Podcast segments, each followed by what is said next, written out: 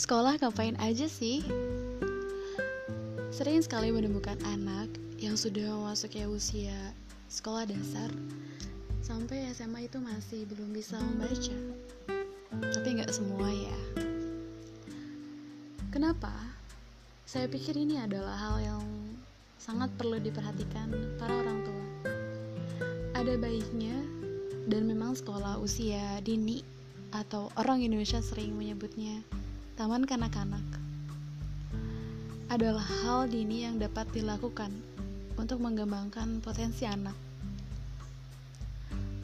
Oshi juga dulu alumni PAUD yang ngerasain lah gimana dulu susahnya guru PAUD nyebarin dengan semua sikap anak-anak yang masih usia 4 sampai 6 tahun.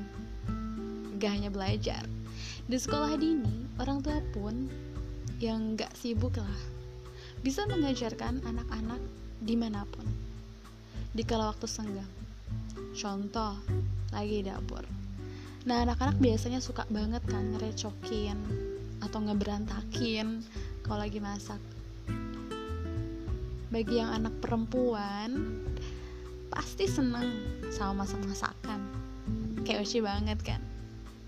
Nah, saat itulah orang tua bisa ambil filosofi dari bahan-bahan yang akan dimasak. Contoh, Dek, itu yang kamu potong sayuran apa ya namanya? Coba kasih tahu ibu. Ini sayur bayam, Bu. Nah, bayam itu hurufnya apa aja? Mungkin itu contoh kecil.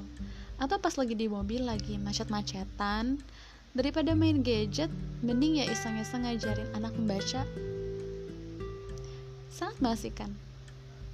Ya apa pun itu caranya usia dini pada masa pertumbuhan anak-anak itu sangat membutuhkan kesadaran dari orang tuanya. Karena bila dia sudah memasuki usia remaja atau masa pubertas biasanya sangat sulit untuk mengembangkan potensinya. Ya walau kemungkinan besarnya hanya 30%.